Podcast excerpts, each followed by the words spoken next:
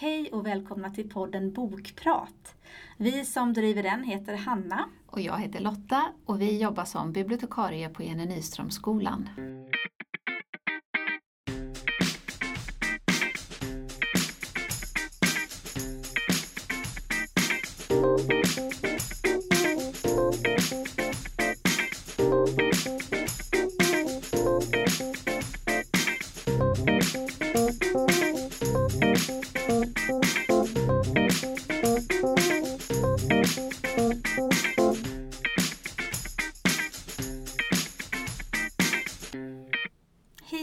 Välkomna till podden. Hej, vad kul! Ja, Idag ska vi eh, prata om tre böcker. precis.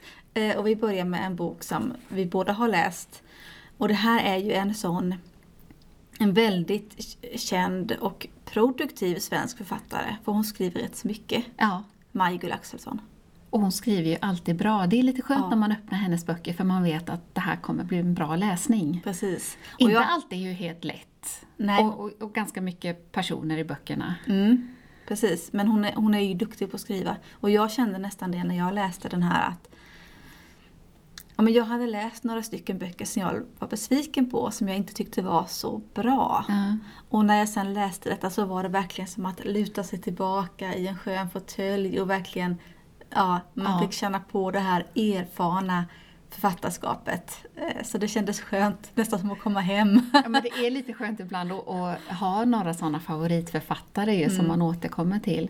Men det man kan säga om Maj-Gull Axelsson det är ju att hon ofta just sådär lite tränger in i huvudet på folk. Hon har ju skrivit en del böcker om psykisk ohälsa där det liksom har varit temat. Och det är det ju inte i den här boken, men det är ju ändå sådär ju att man verkligen hon tränger in i karaktärerna så man får ju en stor förståelse om eh, huvudpersonerna i boken. Ja, precis. Den heter Inställd resa till Sabarmati. Precis.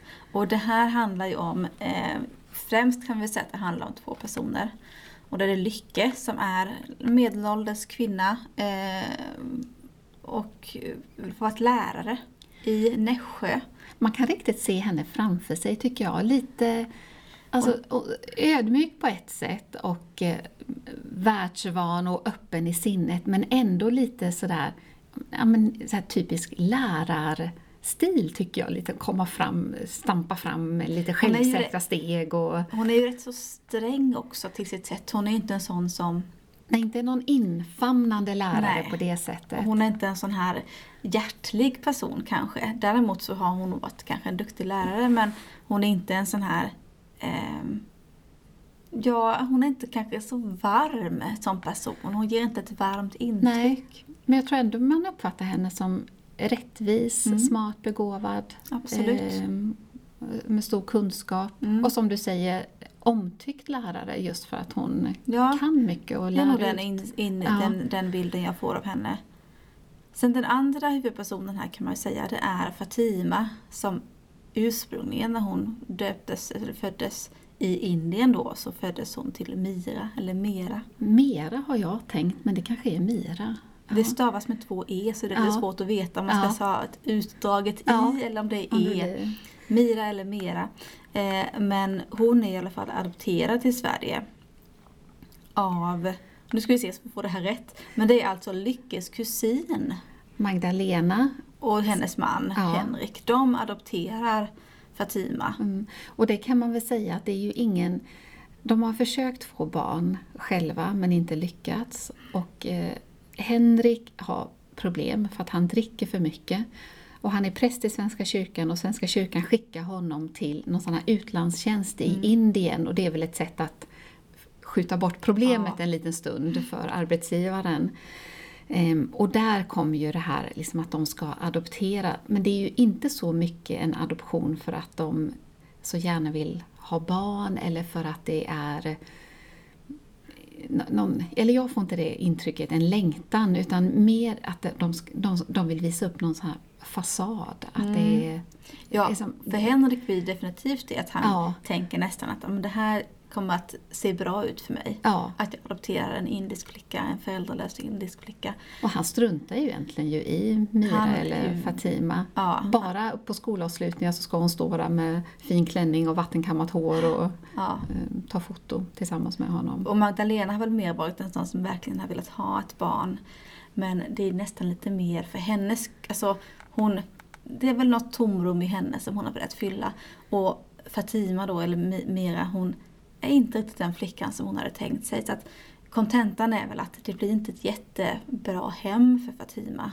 Hon blir, Nej, och man får ju inte riktigt någon bra grepp om den här Magdalena heller. Hon är ju mycket en bifigur och hon dör ju sen i cancer, cancer. Får det? hon. Ja. Eh, och hon är rätt sjuklig en lång tid. Så att det som händer i boken är att Fatima mer och mer blir så att säga bortslussad till Lycke. Och Lycke tycker om, alltså hon tycker om Fatima, hon trivs med att ha henne hos sig. Så det är inte henne emot. Eh, men det blir nästan som att Lycke blir mer av en mamma till Fatima än vad Magdalena är. Och Henrik som sagt är väldigt frånvarande och väldigt avståndstagande. Och Henrik flyttar ju faktiskt också. Vi ska säga att den, boken utspelar sig i en liten småländsk eh, ort som heter Nässjö Precis. utanför Jönköping. Och Henrik flyttar till Göteborg tror jag det och det är ju också bland annat därför som eh, Fatima då ska bo hos Lycke. Ja. Så det blir någon slags, alltså det står tror jag på baksidan av boken att Lycka är en mamma men inte en mamma Ja. och Fatima är en dotter men inte en dotter. Att det blir som lite konstiga familjekonstellationer här. Och Lycke blir ju kanske den trygga tillvaron som Fatima får. Men, Men- men eh, Fatima blir ju aldrig riktigt trygg. Dels uppväxten, hon är ju några år gammal när hon adopteras, så vad hon har varit med om i Indien vet man ju inte Nej. riktigt. Och sen kommer hon till det här väldigt dysfunktionella hemmet med Henrik och Magdalena. Mm. Magdalena som är sjuk och svag ju, psykiskt får man ju säga. Och Henrik som är alkoholiserad. Mm. Så där, där blir ju ingen trygghet. Och sen möter hon ju en vardagsrasism från det att hon sätter sin fot i Nässjö. Sånt som vi kanske inte riktigt kan förstå. Men, Och det, det, är ju, det är ju ett tema i boken Mm. det här hur... här- Nazism och rasism Ja. återkommer ju. Och jag vet inte, den här ska väl utspela sig en bit in på 2000-talet men det är ju kanske inte precis idag. Jag har något sådär att eh, det är 2008. Kan det ha Ja. stått i boken? Men det ringer något. Men jag eh, har för mig att det är kanske uppåt 2010 eller Ja. sådär. Att det rör sig lite och sen är det lite fram och tillbaka i tid. Ehm, ja, lite, lite olika tidsplan eller olika Mm. berättarplan är det ju. Ehm, men det är ju ändå som du säger verkligen en vardagsrasism Mm. som löper genom boken. Och det ser man både genom Fatimas berättelse men också genom Lyckes och genom de andra personerna som man får ta del av. För det är lite av ett myller av personer. Mm. Mm. Men man behöver inte ha koll på alla, så kan vi Nej. ju säga. Det är ju Lycke och Fatima som är huvudpersonerna får man ju säga. Precis. Och det som händer i boken är ju precis i början faktiskt. Så Lycke kommer hem och hon har blivit rätt så brutalt misshandlad. Eh, hon har blivit överfallen när hon var ute och gick med sin hund. Eh, och hunden blir också attackerad. Eh, och hon måste då ta sig, det första hon tänker på är hunden, att ta sig till veterinären och få att hunden får hjälp. Och därifrån sen så blir hon slussad till sjukhuset.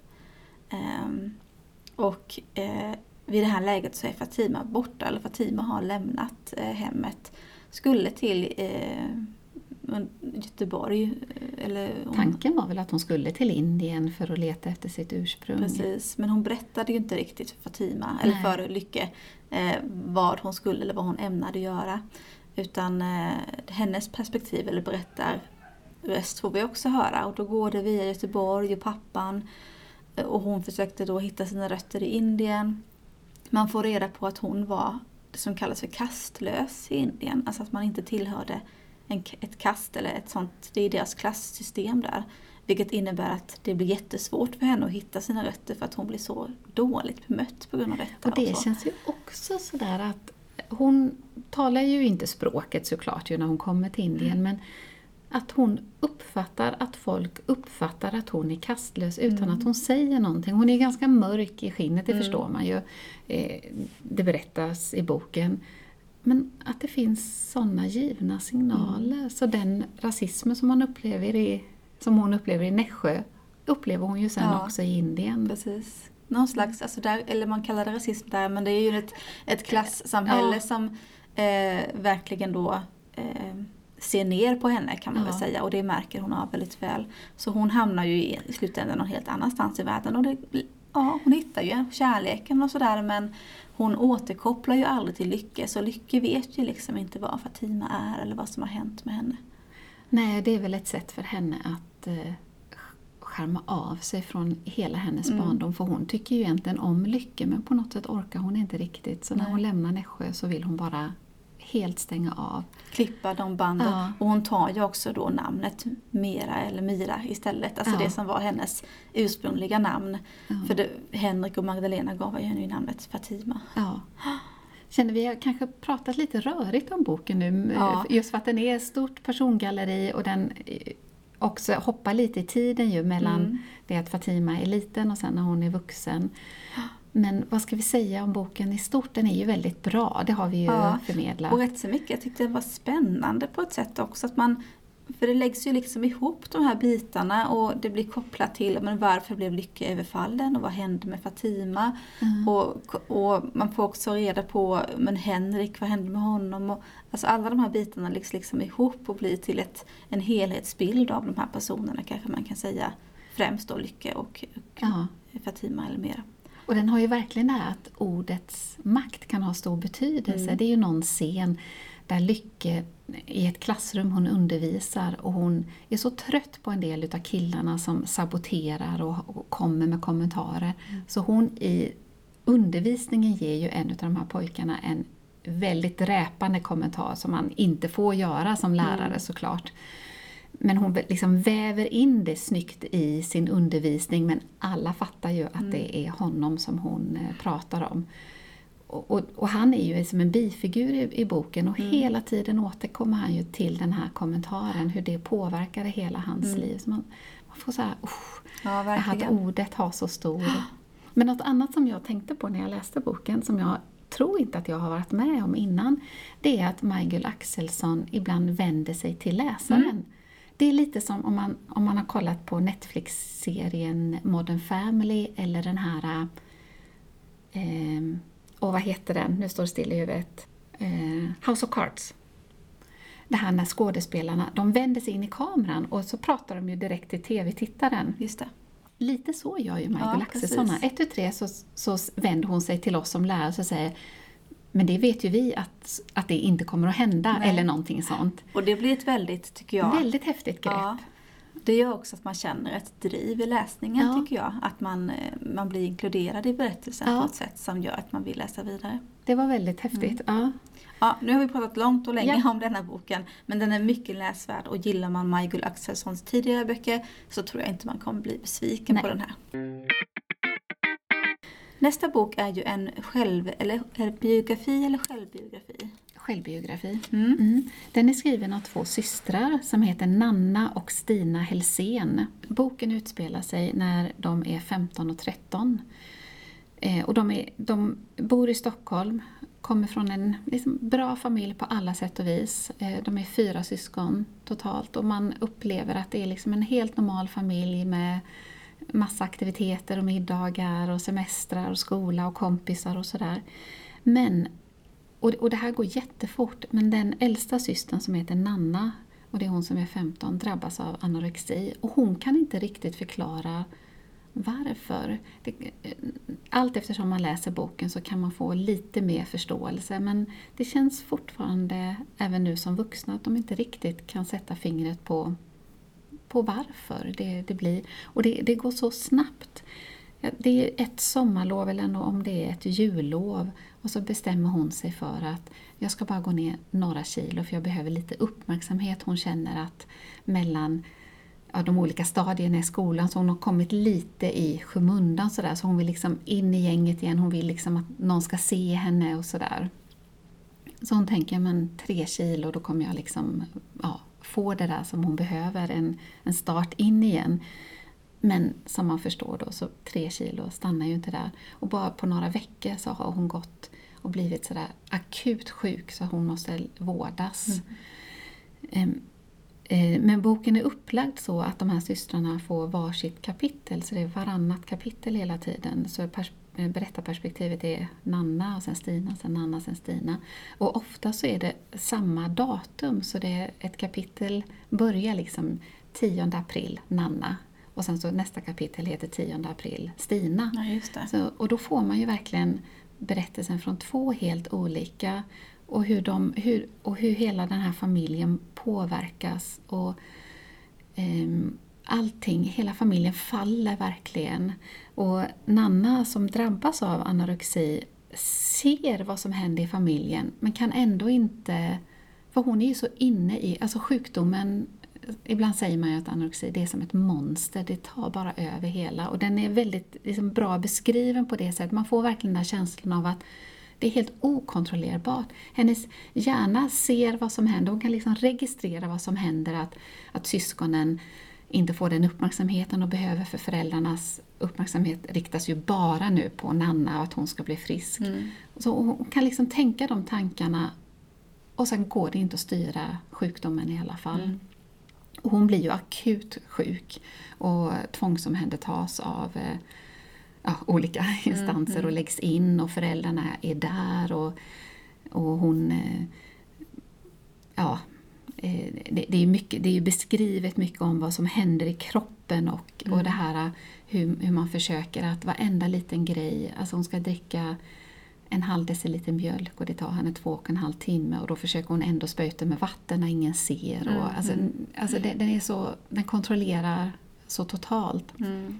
Och sen då varannat kapitel får man följa Stina som är två år yngre och som i början, de ser ju alla att det är ett förändrat matbeteende.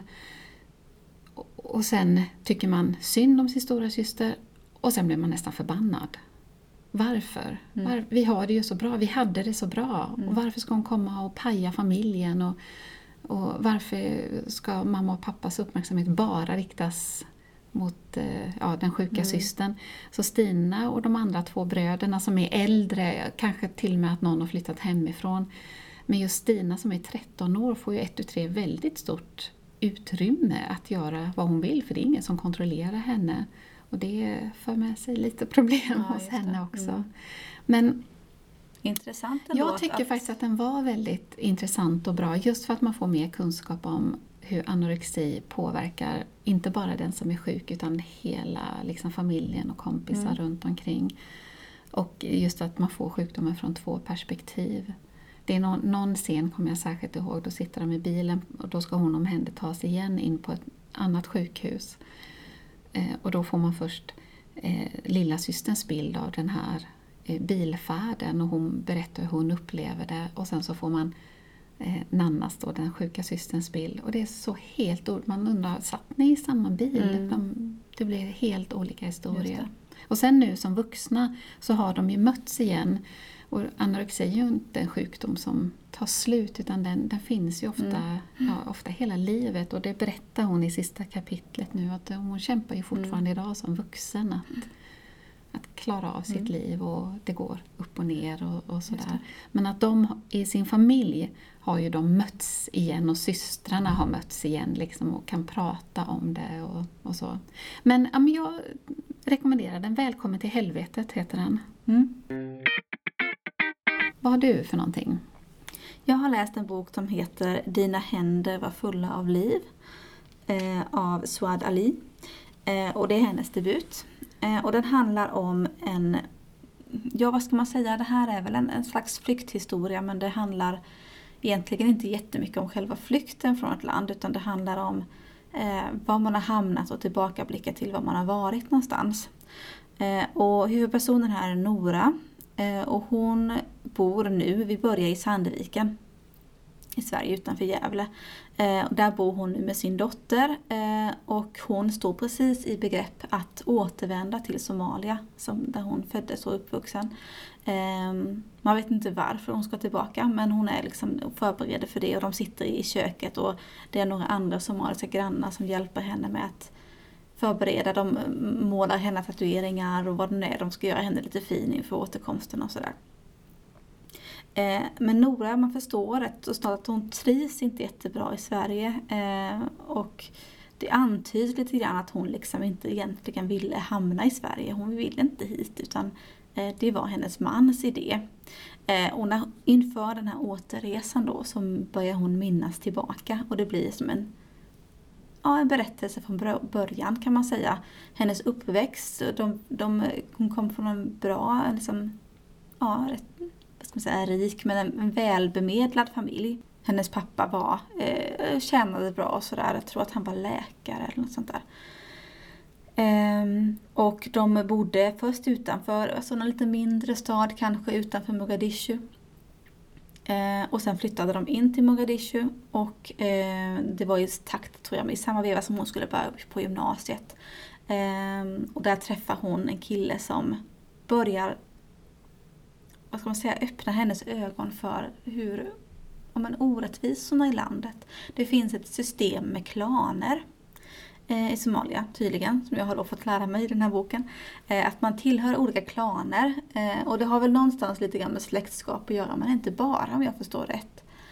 Ehm, och det har väldigt stor inverkan på hur man lever och vilka möjligheter man har.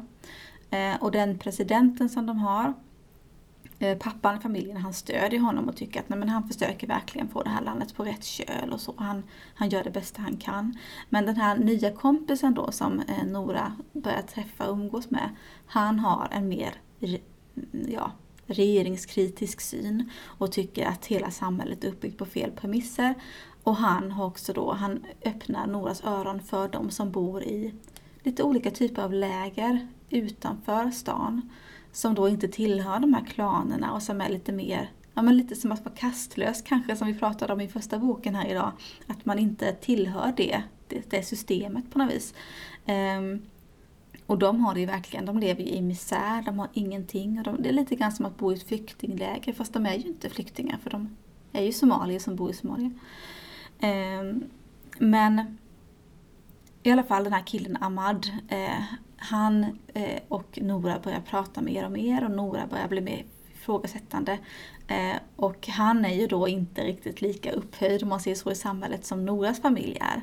Så det finns en tanke om att Nora, som dessutom man förstår, hon är väldigt vacker och hon är då dotter till en väl, en, en framstående man. Eh, hon måste ju gifta sig med någon bra liksom. Men det blir ju ändå hon då, den här killen Ahmad. Och det är ju lite då, mm, lite mm. kontroversiellt ändå. Eh, jag tror att föräldrarna nog ställer sig bakom det, men inte utan lite tveksamhet kan man väl säga.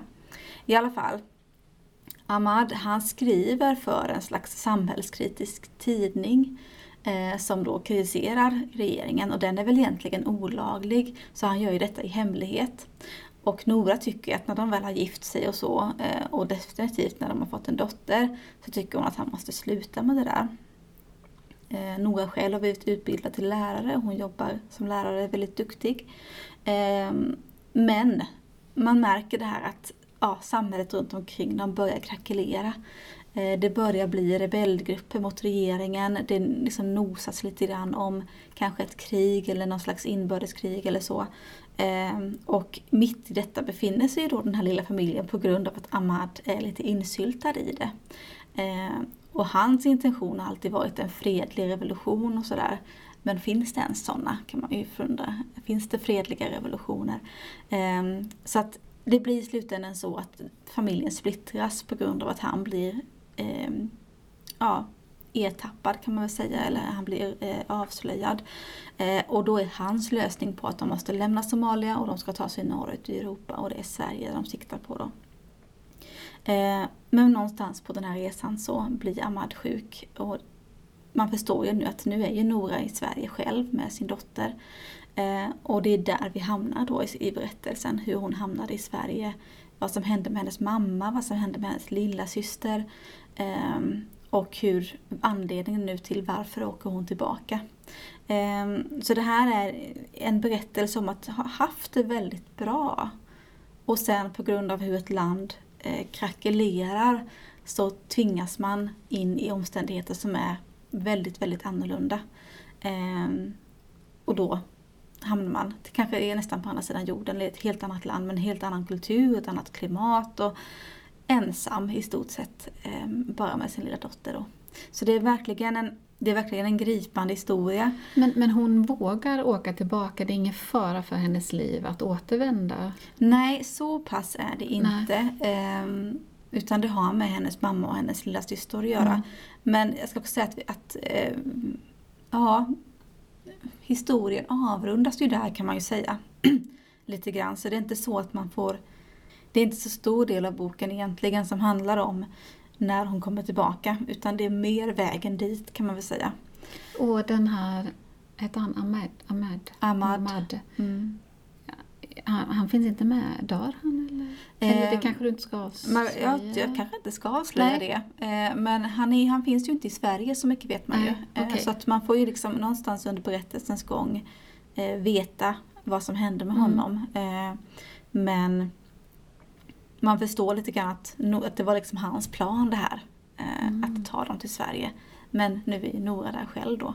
Så att ja, verkligen, jag tycker lite annorlunda perspektiv kanske på de här ändå rätt så, inte vanliga, men det finns rätt så många flyktinghistorier. Många historier om människor som tar sig till Sverige. Eh, och den här ger kanske lite annat perspektiv på det, kan jag tänka mig. Eh, så att ja, jag tyckte den var väldigt gripande. Inte särskilt svårläst heller kan jag inte påstå att den var. Eh, Vem sa du att författaren var? Hon heter Suad Ali. Har hon, Eh. tror du? Jag tror att det är hon nog rätt så mycket, jag vet inte om det är baserat på hennes liv. Den är ju en skönlitterär bok så det är inte en biografisk bok. Men jag kan väl tänka mig att hon själv har upplevt rätt så mycket då. Mm. Eh, Det känns i alla fall som att det är skrivet av någon som har erfarenheter kan man väl säga. Eh, Men det framgår inte av boken eh, om det är så att hon Mm. har sett, upplevt de här sakerna själv. Men som sagt, dina händer var fulla av liv. Avslutar vi med. titel. Jättefin titel. Ja, väldigt bra titel. Mm. Ja, det var dagens boktips från Precis. Bokpodden på Jenny. Tills nästa gång. Hej då! Hej!